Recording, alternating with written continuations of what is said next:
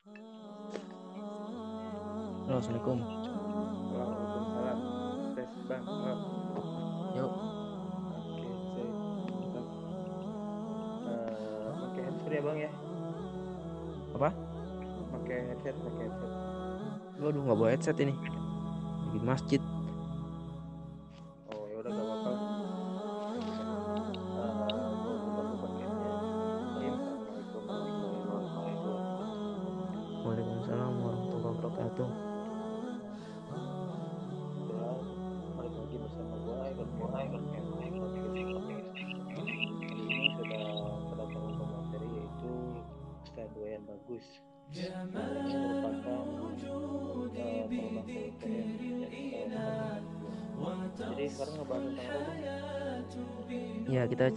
Cerita-cerita aja nih tentang kiat-kiat terkabulnya doa sama sahabat Nabi Sa'ad bin Abi Waqqas.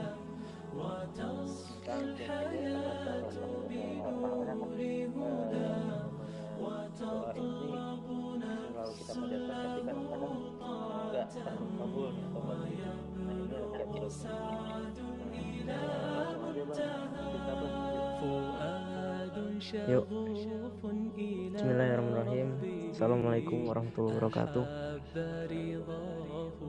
Alhamdulillah wassalatu wassalamu ala rasulillah amma ba'du. Nih sebelum kita sharing-sharing nih Perlu kita tahu bareng-bareng dulu nih.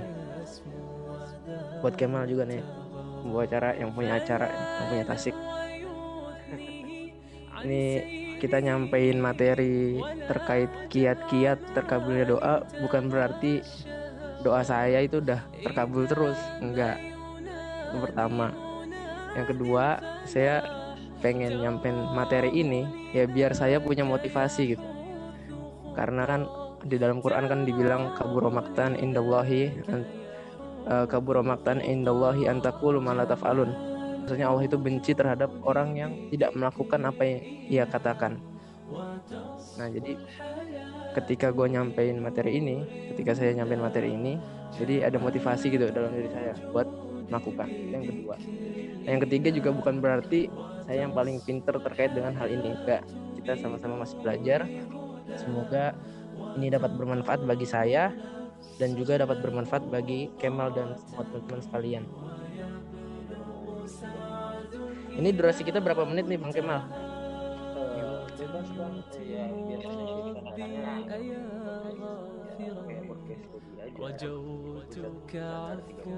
Oh ya segitu aja dah. Yang yang lebar. Yang penting pendek insya Allah tapi nyangkut gitu ya. ya nih jadi yang pertama kita mulai dulu dari keutamaan menuntut ilmu nih ya. Karena kan selama masa pandemi ini kerasa banget nih kita udah kekeringan spiritualitas dan kekeringan akademis. Bener gak tuh? Di rumah Kemal udah berapa kali murojaah nih belajar?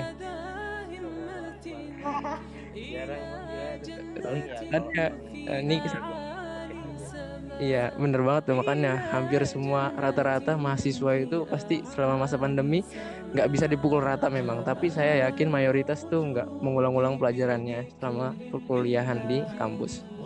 Nah makanya itu pertama kita kembali memotivasi kita supaya semangat apa belajar lagi. Ya base karena kita basicnya pendidikan agama ya kita pakai ilmu ilmu agama lah.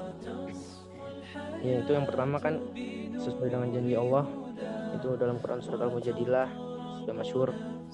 Maksudnya Allah berfirman yarfa'illahu ladzina amanu minkum walladzina utul ilma darajat.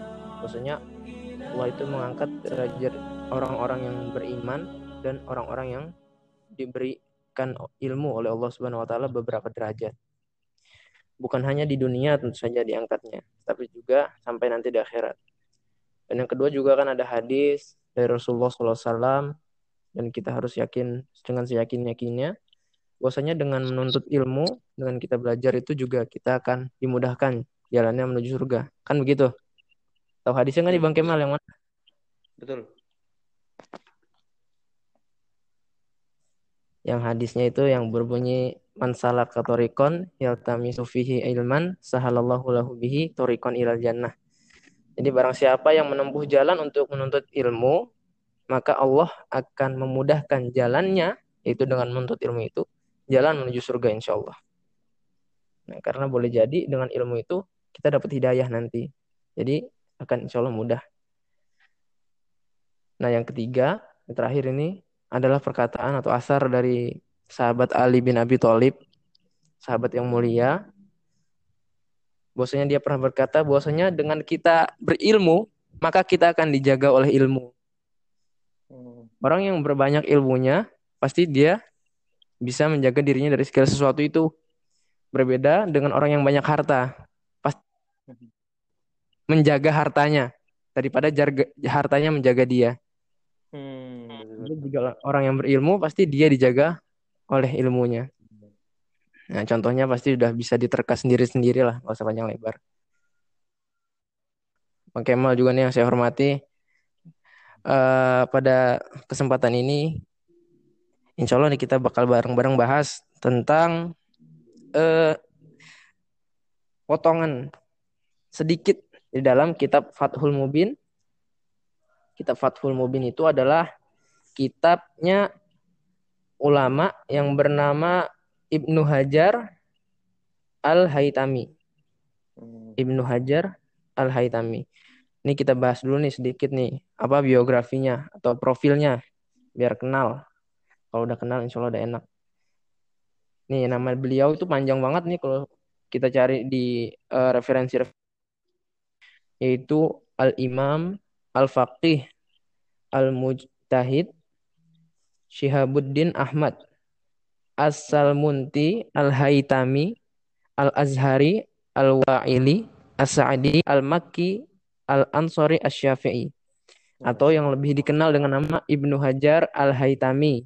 Nah, beliau lahir di Mesir tahun 1009 tahun 909 Hijriah, maaf, tahun 1909 Hijriah dan wafat di Mekah tahun 973 Hijriah. Nah, beliau yang ulama yang produktif punya banyak karangan. Salah satunya ini kitab Fathul Mubin yang kita akan bahas sedikit potongannya terkait dengan kiat-kiat berdoa di dalamnya. Nah, kitab Fathul Mubin sendiri itu adalah syarah dari kitab Hadis Arba'in Imam An-Nawawi. Jadi beliau mensyarah hadis yang terdapat di kitab Hadis Arba'in Imam An-Nawawi.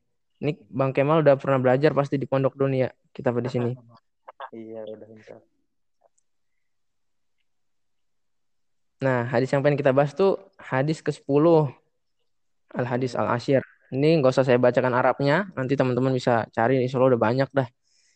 Langsung saya baca artinya aja nih. Dari Abu Hurairah radhiyallahu anhu, bahwasanya dia berkata, Rasulullah shallallahu alaihi wasallam bersabda, sesungguhnya Allah itu baik dan dia tidak menerima sesuatu kecuali yang baik. Dan sesungguhnya Allah itu memerintahkan kepada orang-orang mukmin dengan apa yang memerintahkanlah para utusan Allah dengan perintah tersebut.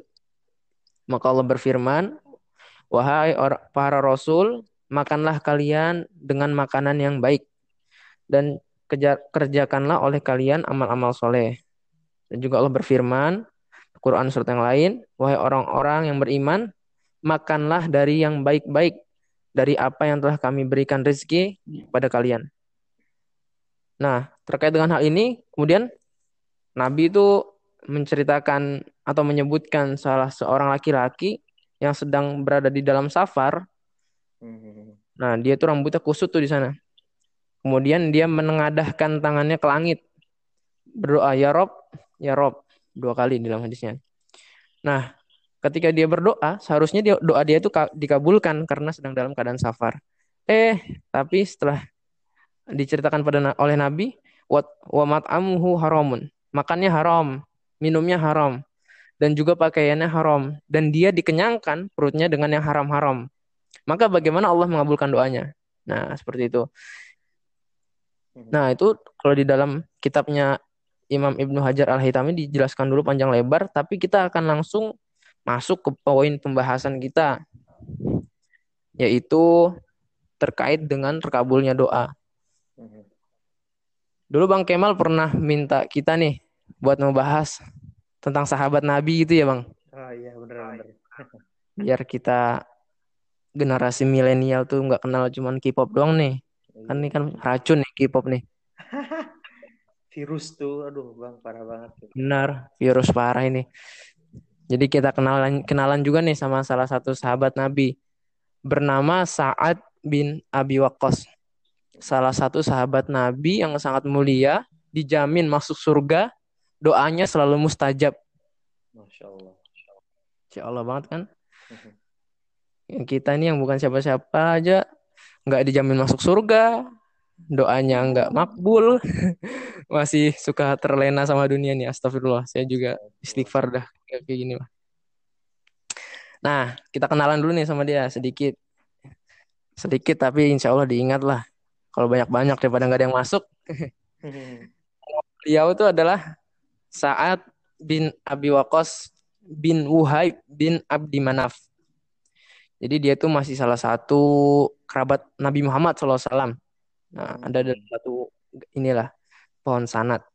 Kakeknya itu bernama Wuhaib, yaitu merupakan paman dari ibunda Nabi Muhammad SAW. Jadi dia itu masih sosok uh, saudara bagi Nabi Muhammad. Nah, adapun dia juga itu masuk ke Islam kalau dalam riwayat yang kami baca itu pas umur 17 tahun dia masuk Islam dan termasuk ashabikun al awalun. Dia adalah orang-orang pertama yang masuk ke dalam Islam. Nah, keutamaan beliau itu banyak banget. Tapi kita sebutkan yang paling istimewa aja. Menurut saya paling istimewa. Nanti teman-teman bisa mengkaji juga banyak tentang dia. Banyak uh, referensinya insya Allah. Tapi yang paling istimewa dari dia adalah salah satunya itu dijamin masuk surga. Itu yang pertama. Dan yang kedua adalah yang sangat menyerempet sama materi kita yaitu doanya selalu mustajab. Ketika berdoa pasti selalu dikabulkan oleh Allah Subhanahu wa taala. Itu kan luar biasa banget. Bang Kemal kalau berdoa apa aja nih yang udah dikabulin nih Bang Kemal? doa ini Bang. Doa kalau apa biar apa biar kita tuh nggak selalu sendiri loh. Ada mm. ada yang datang terus. Ya meskipun cuman jadi pelabuhan sih. Iya. Keren doa mau cepat-cepat lulus dari PUTM kali biar cepet nikah. Eh. Bang sayang banget ilmu di PUTM terlalu banyak, terlalu sayang untuk disia-siakan. Wah bener banget tuh. Makanya nih udah kangen, banget nih udah sama PUTM nih. nah, ya kita lanjut dulu nih. Jadi dia tadi kan disebutkan sebagai kunal awalun, orang-orang yang pertama masuk Islam. Dan dia juga anak dari uh, orang kaya di zamannya itu dan sangat dicintai oleh ibunya, walaupun ibunya itu sempat melarang dia untuk memeluk agama Islam. Nah, kenapa doanya dia, doanya saat bin Abi Waqqas itu selalu mustajab? Ternyata salah satu faktornya itu adalah doa Nabi Muhammad Shallallahu Alaihi Wasallam. Jadi suatu ketika Nabi Muhammad itu pernah berdoa kepada saat, ya Allah, kabulkanlah doanya saat jika dia berdoa. Seperti itulah kurang lebih. Itu jadi didoakan oleh Nabi. Nah setelah itu ya doanya selalu mustajab. Tetapi ternyata ada faktor lain. Mengapa dia doanya selalu mustajab? Yaitu selalu beramal soleh. Bahkan dikatakan bahwasanya ketika ibunya itu mogok makan, mogok untuk melakukan kegiatan normal, agar saat itu keluar dari Islam, tapi dia tetap berpegang teguh memilih Allah dan Rasulnya, mempertahankan akidahnya. Nah, biasa. Luar biasa sekali. Nah, kita ini belum ada apa-apanya rasanya kalau udah membahas tentang akidah para sahabat salafus soleh itu. Hmm. Nah, langsung nih kita teman-teman, udah hampir 15 menit. Kita masuk ke materi utama kita nih, kiat-kiat agar doa terkabul.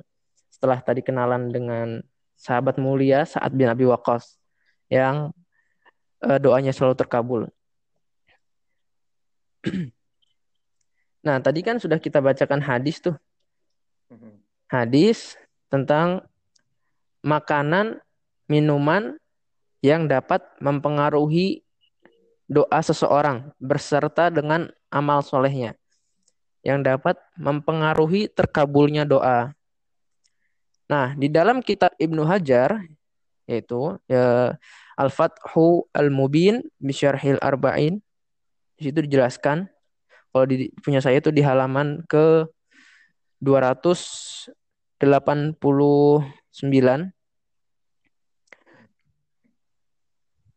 eh maaf di halaman 291 nah itu dijelaskan wabakol di doa i syurutun. Jadi berdoa itu ada syarat-syarat. Wa adabun. Dan juga punya adab. Zakar tuha mustai mustawibatan sudah disebutkan secara lengkap fi syarhil ubab. Dalam kitab bernama Syarhul Ubab. Itu kata dalam kitab ini. Terus Imam Ibnu Hajar nulis dalam kitabnya Fanzurhu. Lihatlah kepada kitab tersebut. Fa innahu muhimmun karena sesungguhnya itu sangat penting untuk mengetahui terkait dengan syarat-syarat, adab-adab tentang doa-doa. Uh, apa aja sih yang dijelaskan di dalamnya secara umum? Listimalihi ala bayani inqisamihi. Di dalamnya itu sudah dibagi-bagi ilama huwa kufrun, apa itu kufur, wa haramun dan apa saja yang haram, wa mandubun dan apa saja yang dianjurkan, wa ala ghairi dalik dan yang semisalnya. Yang disebutkan oleh Imam Ibnu Hajar Al-Haytami itu minan nafais allati la yustaghna anha yang uh, para manusia itu harusnya tahu tentang hal-hal tersebut. Jadi Imam Ibnu Hajar tuh berkata itu, itu sangat penting.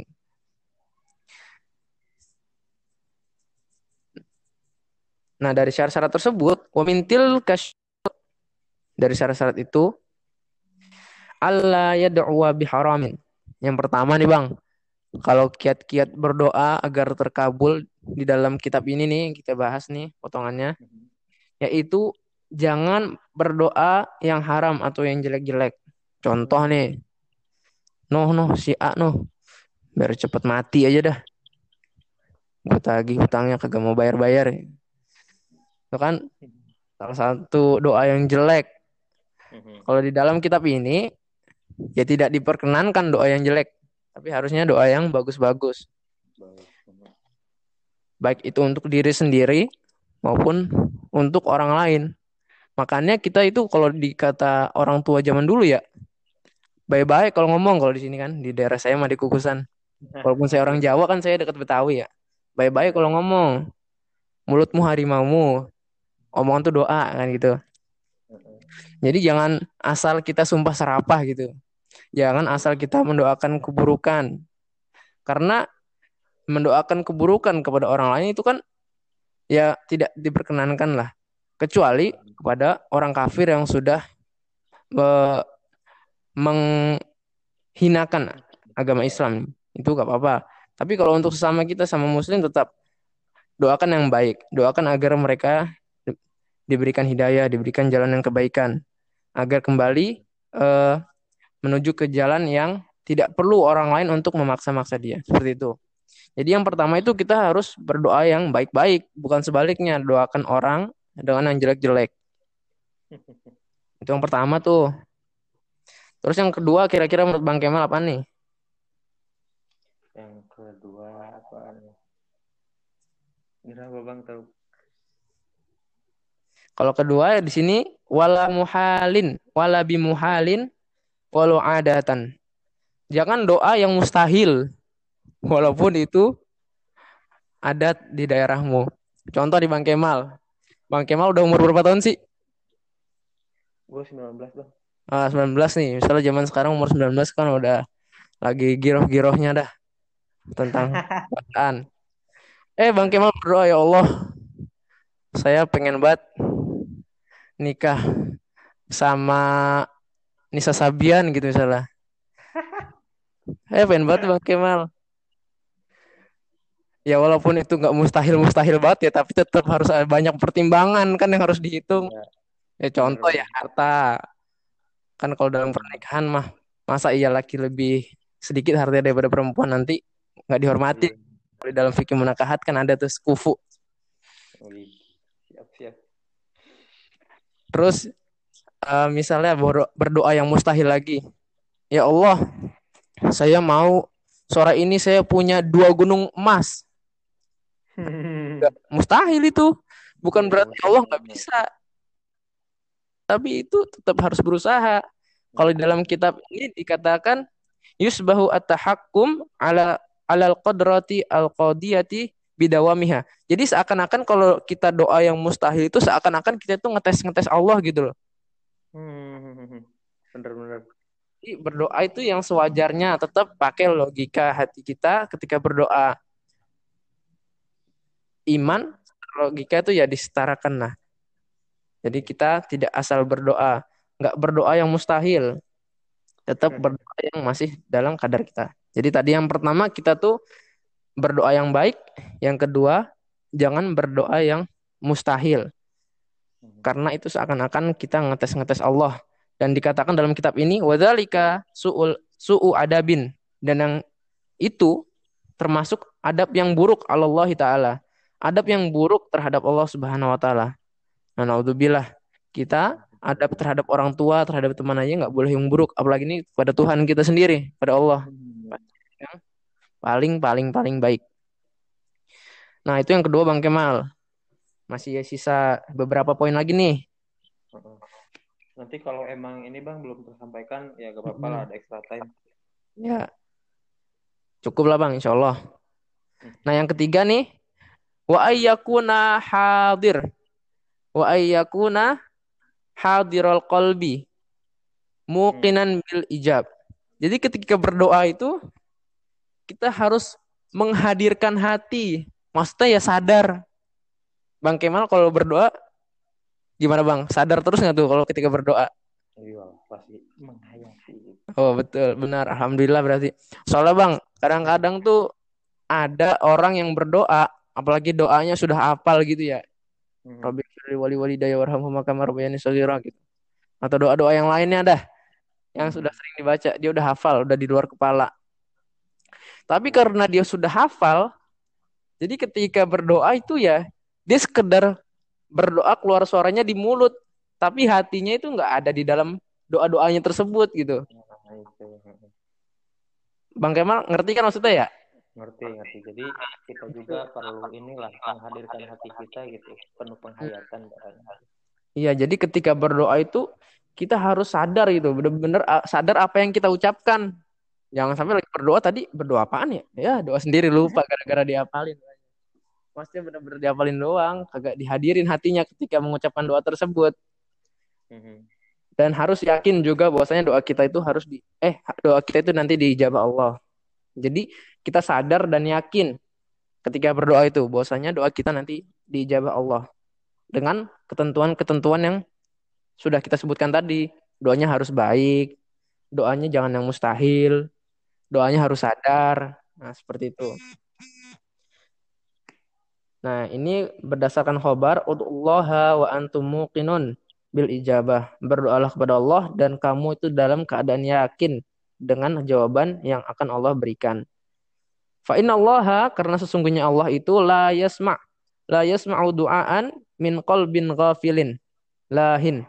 Sesungguhnya Allah itu tidak menerima atau tidak mendengar doa dari hati yang lupa dan lalai.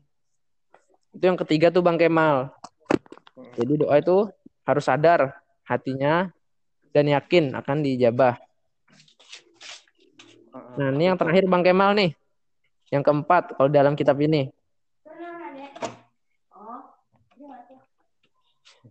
Yuk Bang, ada gangguan teknis sebentar. Yuk. Yuk. Kita lanjutin dulu ya nih. Ya, lanjutin deh.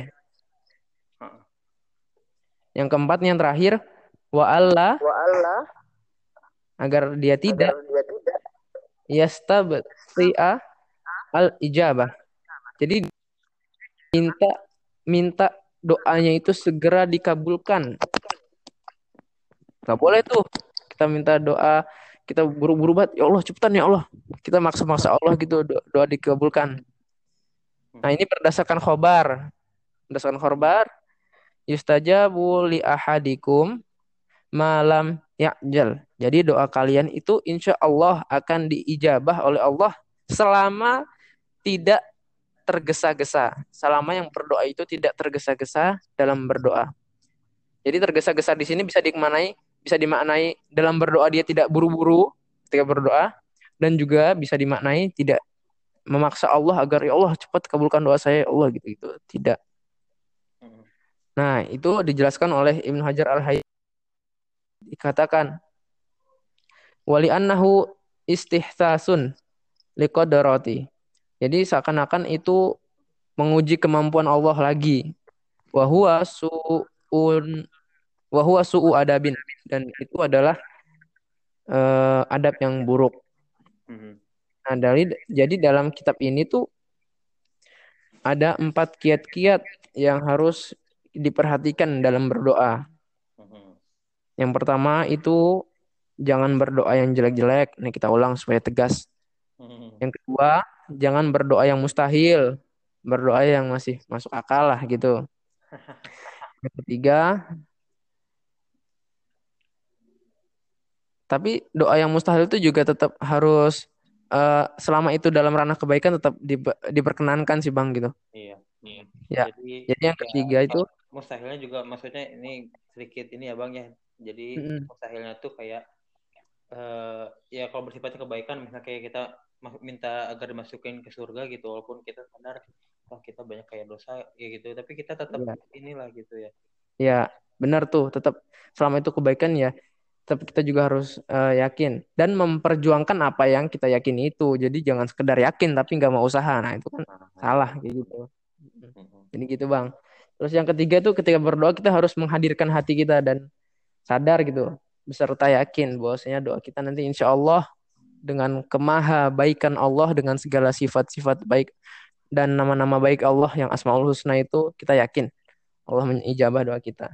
Dan yang ketiga itu jangan ber, eh yang terakhir yang keempat dalam kitab ini itu jangan buru-buru ketika berdoa. Baik itu berburu baik itu buru-buru ketika berdoanya. Jangan Rabbik fir wali walidayya warhamhuma kama Nge-rap itu namanya. Terus jangan juga kita memaksa-maksa Allah, ya Allah cepat kabulkan ya Allah yang cepat kabulkan. Hmm. Karena Allah tahu yang terbaik untuk kita. Allah hmm. tahu kapan waktunya doa kita untuk dikabulkan pun kalau doa kita tidak dikabulkan, Allah akan mengganti dengan yang lain yang lebih baik. Nah. Karena standar kebaikan itu ya tentu saja ya apa yang menurut Allah dan apa yang menurut syariat agama Islam itu baik, bukan nah. sekedar hawa nafsu kita. Bener kali bang, soalnya kadang-kadang kita tuh ini bang apa? Ya nggak menafikan lah. Kadang-kadang kita tuh menurut kita padahal baik tuh, ih kita doanya kayak gitu atau ya banyak kan kita tuh ngarep tuh biar pasangan kita tuh nanti tuh yang kayak gini. Padahal ya nantinya kan Allah tuh ngasihnya yang gimana ngadirinnya kan nah kita nggak tahu juga gitu suka apa kalau yang di dalam Al-Quran tuh yang asa antakrohu syai'an nah iya itu wa asa antakrohu syai'a wa huwa khairul lakum boleh jadi kamu itu benci sesuatu padahal itu baik bagimu menurut Allah wa asa an tuhibbu syai'an wa huwa syarrul lakum dan boleh jadi kamu menyukai sesuatu tetapi itu buruk bagi kamu Wallahu ya'lamu wa antum la ta'lamun. Allah Maha tahu dan kalian tidak mengetahui. Itu. Al-Qur'an Al-Baqarah tuh. Iya, jadi gitu ya berarti terpilah ada empat poin yang harus di ini ini. Yang pertama yang harus di garis bawah ya. ya. Yang pertama doanya itu eh, apa? Yang pertama tadi apa bang? Doanya jangan jangan yang buruk-buruk ya. Nah, ya, doanya yang buruk-buruk doanya jangan ya ya doanya harus yang baik-baik doanya tuh harus uh, ya dengan kalimat-kalimat yang baik lah gitu kalau bisa berdasarkan hadis ataupun di dalam Al-Quran gitu jadi sumbernya sahih yang kedua ya. doanya itu eh, jangan doa doa yang mustahil maksud di mustahil di sini yang eh, apa bersifatnya mungkin keduniawian ataupun misalnya eh, ya bukan bersifat yang baik-baik lah gitu doa mustahilnya ya, tuh. Benar tuh bang. Yang ketiganya doanya itu harus sadar. Menghadir nah, harus sadar harus menghadirkan hati gitu. Kita tuh harus menghayati totalitas lah istilahnya doa tuh. Ya, benar banget. kita ucapkan harus kita harus kita hayati harus kita apa ya pokoknya lah istilahnya menghadirkan hati gitu. Nah yang terakhir itu uh, tadi itu apa bang? Sorry. Yang terakhir itu jangan ber, terburu-buru nah, ketika berdoa. Jadi jangan tergesa-gesa ya. Meskipun uh, apa kalau di dalam ini ya di dalam materi akhlak yang disampaikan oleh uh, dokter Muhammad Damami gitu bahwasanya salah satu sifat dasar manusia itu kan tergesa-gesa. Nah, akan tetapi sebaiknya uh, kita bisa mengalahkan ego kita. Nah, gitu. Jadi kita tuh merendahkan ego kita agar dalam do dalam berdoa itu kita nggak tergesa-gesa. Gitu. Nah ini bang ada pertanyaan nih. Misalnya uh, kalau uh, kita kan do misal berdoanya gini bang. Uh, make kadang-kadang kan ada yang si kalimatnya itu kayak bersifatnya memaksa loh bang.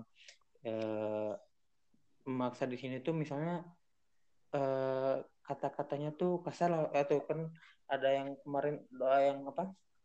Dimudahkan tuh. Doa yang dimudahkan ingat gak bang ada apa aja kan? Kalau salah yang pertama itu yang Allahumma la sahla yang satu lagi tuh apa gitu? Saya lupa lagi. Antum ingat gak Allahumma jama ja'altahu sahla nah itu kan yang pertama itu yang yang yang ada hadis hadisnya itu lah yang satu lagi tuh Allahumma yasir walatu asir. Nah walatu asir. Kan itu seolah-olah kayak tadi itu kan kayak menan menantang kan? Soalnya kan kita kayak nggak yakin tuh Allahumma yasir walatu asir. Ya Allah permudahkanlah tapi dan jangan engkau persulitkan. Nah, kalau kayak gitu gimana tuh, Bang? Apakah boleh diamalkan atau enggak? Sementara kan ada yang lebih sahih lagi tuh kayak kalau masalah itu. Gimana tuh? Ya tetap kalau menurut pandangan kita mah pandangan saya ya. Hmm. Ya kalau salah mau dikoreksi nih kita sama-sama belajar. Saya juga masih mahasiswa gitu, bukan ustadz. Jadi ya ma masih banyak salah saya sadar banget betul lah pasti. Kalau menurut saya pribadi ya, itu tetap boleh lah karena karena itu hadis kan oh iya tapi kan kalau nggak salah hadisnya nah masa kita hadis hadisnya hadisnya ini gak sih? Bermasalah gak sih? Nah kalau itu kita belum neliti juga tuh. Nanti menarik dah buat kita teliti bisa tuh. Nanti kita iya, teliti. gitu. tapi hmm. ya uh, kan kalau yang satu lagi tuh yang Allah malah salah itu hadisnya sahih ya. Kalau saya ini kalau nggak salah itu. Nggak tahu hadisnya tuh Hasan. Pokoknya masih bisa diamalkan lah. Nah yang satu lagi uh, saya pernah nyari-nyari sih gitu. Jadi kalau nggak salah derajatnya tuh apa gitu. Pokoknya nggak nyampe sahih lah. Nah jadi makanya saya juga nanyain ke Antung tuh gimana gitu baiknya. Nah nanti mungkin ya coba nanti PR kita ya. Nanti saya buka di Maktabah Syamila dah. Nanti kita lihat apa status hadisnya. Nah, siap siap. Nah gitu. Ya. Uh, terus kalau ini apa misalnya iya udah udah deh benar tuh ada ini gak uh, pesan-pesan kayak pesanan pesan buat Iya mungkin ini sebagai penutup aja ya. Jadi tetap kiat-kiat yang tadi itu harus dibingkai dengan amal soleh. Maksudnya bagaimana jadi dari empat kiat-kiat tadi berdoa jangan yang jelek, jangan yang mustahil. Ketika berdoa sadar, yakin, dan jangan buru-buru ketika berdoa itu dibingkai dengan amal soleh. Karena kita jika merujuk ke hadis tadi yang saya bacakan pertama-tama itu, seharusnya doa orang tersebut itu diijabah oleh Allah. Karena dia sedang dalam keadaan safar, rambutnya kusut dikatakan di dalam hadis itu. Hmm, iya. Tetapi dia makan makanan yang haram, pakaiannya dari yang haram, dikenyangkan perutnya dari yang haram. Nah, ini menandakan bahwasanya boleh jadi orang itu tidak melakukan amal-amal soleh yang telah diajarkan oleh Allah beserta Rasulnya kepada kita semua umatnya. Nah, ini bagi jadi garis bawah banget nih bagi kita semua ketika nanti atau jangan nanti lah, mulai dari sekarang sampai dengan seterusnya apalagi jika sudah berkeluarga. Jangan sampai sedikit pun nanti kita memberikan keluarga kita, istri kita, anak kita itu makan makanan yang haram. Karena itu berpengaruh banget sama doa-doa kita nanti. Berpengaruh juga dengan apa yang akan kita pikirkan, apa yang akan kita lakukan. Kan makanan itu kan nanti dicerna, dioleh oleh tubuh kita. Jadi tenaga, jadi pikiran, jadi darah bener gak tuh bang nah jadi kalau ben, awal masuknya aja udah buruk yang dimasukkan ke dalam tubuh buruk itu nanti boleh jadi keluarnya ya juga yang buruk-buruk. Nah, sebaliknya, kalau kita masukin yang baik, insya Allah keluar yang baik, berpikiran yang baik, seperti itu, Bang. Jadi sebagai catatan terakhir nih, empat kiat-kiat tadi itu harus tetap dibingkai dengan amal-amal soleh. Nah, supaya kita tahu amal-amal soleh ya tetap kita harus semangat mengaji terus. Utlubul ilma minal mahdi ilalah di. Tuntutlah ilmu dari buayan sampai ke liang lahat. Gitu, Bang. Mantap. Jadi empat yang poin yang tadi juga kita dengan amalan soleh ya. Dengan amalan soleh ya. Iya, Bang, betul. Kalau misalnya kita uh, berdoa sesuai yang tadi, yang apa-apa yang di apa disyariatkan ataupun yang dituturkan ataupun yang dianjurkan akan tetapi uh, ya kitanya masih belum soleh gitu intinya dia juga harus soleh lah kalau kita rajin Allah kita baik kita kita kuat itu ya bagus ya bang betul soalnya banyak juga nih bang uh, ya yang gitulah soalnya ya fenomena yang sekarang juga banyak uh, rajin sholat tapi ini uh, tapi suka maksiat. Nah, kan katanya kalau Pak Siat itu mah penghalang dosa ya, Bang. Bener gak itu? Maksiat penghalang dosa. Sholat kali Bang maksudnya? Maksiat, Bang. Maksiat. Jadi ketika kita sering bermaksiat, saya dengar dari beberapa mm -hmm. tausiah uh, yang disebutkan oleh Ustadz Sofi kita kalau nggak salah. Nah, jadi kalau mm -hmm. ketika kita sering bermaksiat itu akan menjadi penghalang doa kita agar diijabah oleh Allah. Oh, ya benar kalau itu bang. Maksiat itu sebagai penghalang doa-doa kita agar dijabah oleh Allah Subhanahu Wa Taala. Di dalam kitab ini juga dijelaskan hmm. kalau orang yang bermaksiat itu doanya doanya dalam kitabnya ini yang kita bahas tadi Fathul Mubin orang yang bermaksiat itu doanya tertahan di langit. Tuh. Ya berarti tuh. Mm -hmm. Jadi kalian jangan suka maksiat ya. Maksiat itu konotasinya banyak, nggak selalu ini. Konotasinya kalian berbuat dosa sekecil apa pun juga itu bisa disebut maksiat gitu. Apalagi uh, misalnya kalian pacaran, oh yang udah garis bawahi banget nih pemuda sekarang ya bang ya digandrungi wow. banget. Betul banget tuh. Pacaran sana sini. Tapi apalagi pacaran berkedok dakwah itu, malu saya pacaran syar'i nggak ada ya bang pacaran haram ya buat kalian yang belum tahu haram. udah dibahas di podcast sebelumnya ya sama Ustadz uh, Asep Setiawan nah itu juga membahas tentang yeah. itu, itu ya mungkin cukup sekian ya barakallahu fik bang duh jazakumullah khairan ya ini juga saya nyampaikan nyampaikan juga nih kepada Bang Kemal sama nanti siapa pun yang dengar lah kalau ada yang salah ya mohon dikoreksi. Saya orangnya gowo insya Allah terbuka untuk membenarkan apa yang saya tidak ketahui atau apa yang saya salah sampaikan. Seperti nah, itu bang. Itu ya. Jadi kalau koreksi ada kesalahan koreksi aja ke papa gitu. Kalau dari saya ada kesalahan mohon maaf. Dari Bang Wayan ada kesalahan juga Bang Wayan ada mohon maaf gitu. Ada follow aja Instagramnya kalau ketemu follow. Apa bang Instagramnya bang? Instagramnya Wayan bagus, W A Y N bagus. Wayan bagus ya Wayan. W A Y N bagus. Nah kalau Instagram saya juga ada at Kemal Aigir. Uh, kalau aja kebetulan baru. Halo bang. Yuk masuk masuk. Nah, closing aja ya. Nah, pokoknya gitu ya bernasibullah ya, jadi ada tadi empat poin dan juga satu dari garis bawahi ditambah dengan uh, amal-amalan soleh dari segala aspek uh, kita salat kita uh, puasa kita segala macam pokoknya dari mulai ranah uh, akidah bahkan uh, akhlak juga itu harus bisa kita sempurnakan ya mungkin cukup sekian semoga bermanfaat uh, kalau mau ini apa uh, kalau Instagram gue, Instagram Bang Wayan juga tadi follow ya gitu. Uh, bisa apa tadi udah jelasin gitu. Uh, juga di gue udah ada, ada konten baru yaitu ngejelasin tentang apa sih? Oh tentang perkataan yang baik ya. Baru saya yeah. baru diposting. Semoga ya tonton lah kalau ini kalau enggak juga gak apa-apa sih sebenarnya. ya mungkin cukup sekian. Billahi taufiq hidayah. Nol kalau turun. Fastabikul khairat. Assalamualaikum warahmatullahi wabarakatuh. Waalaikumsalam warahmatullahi wabarakatuh.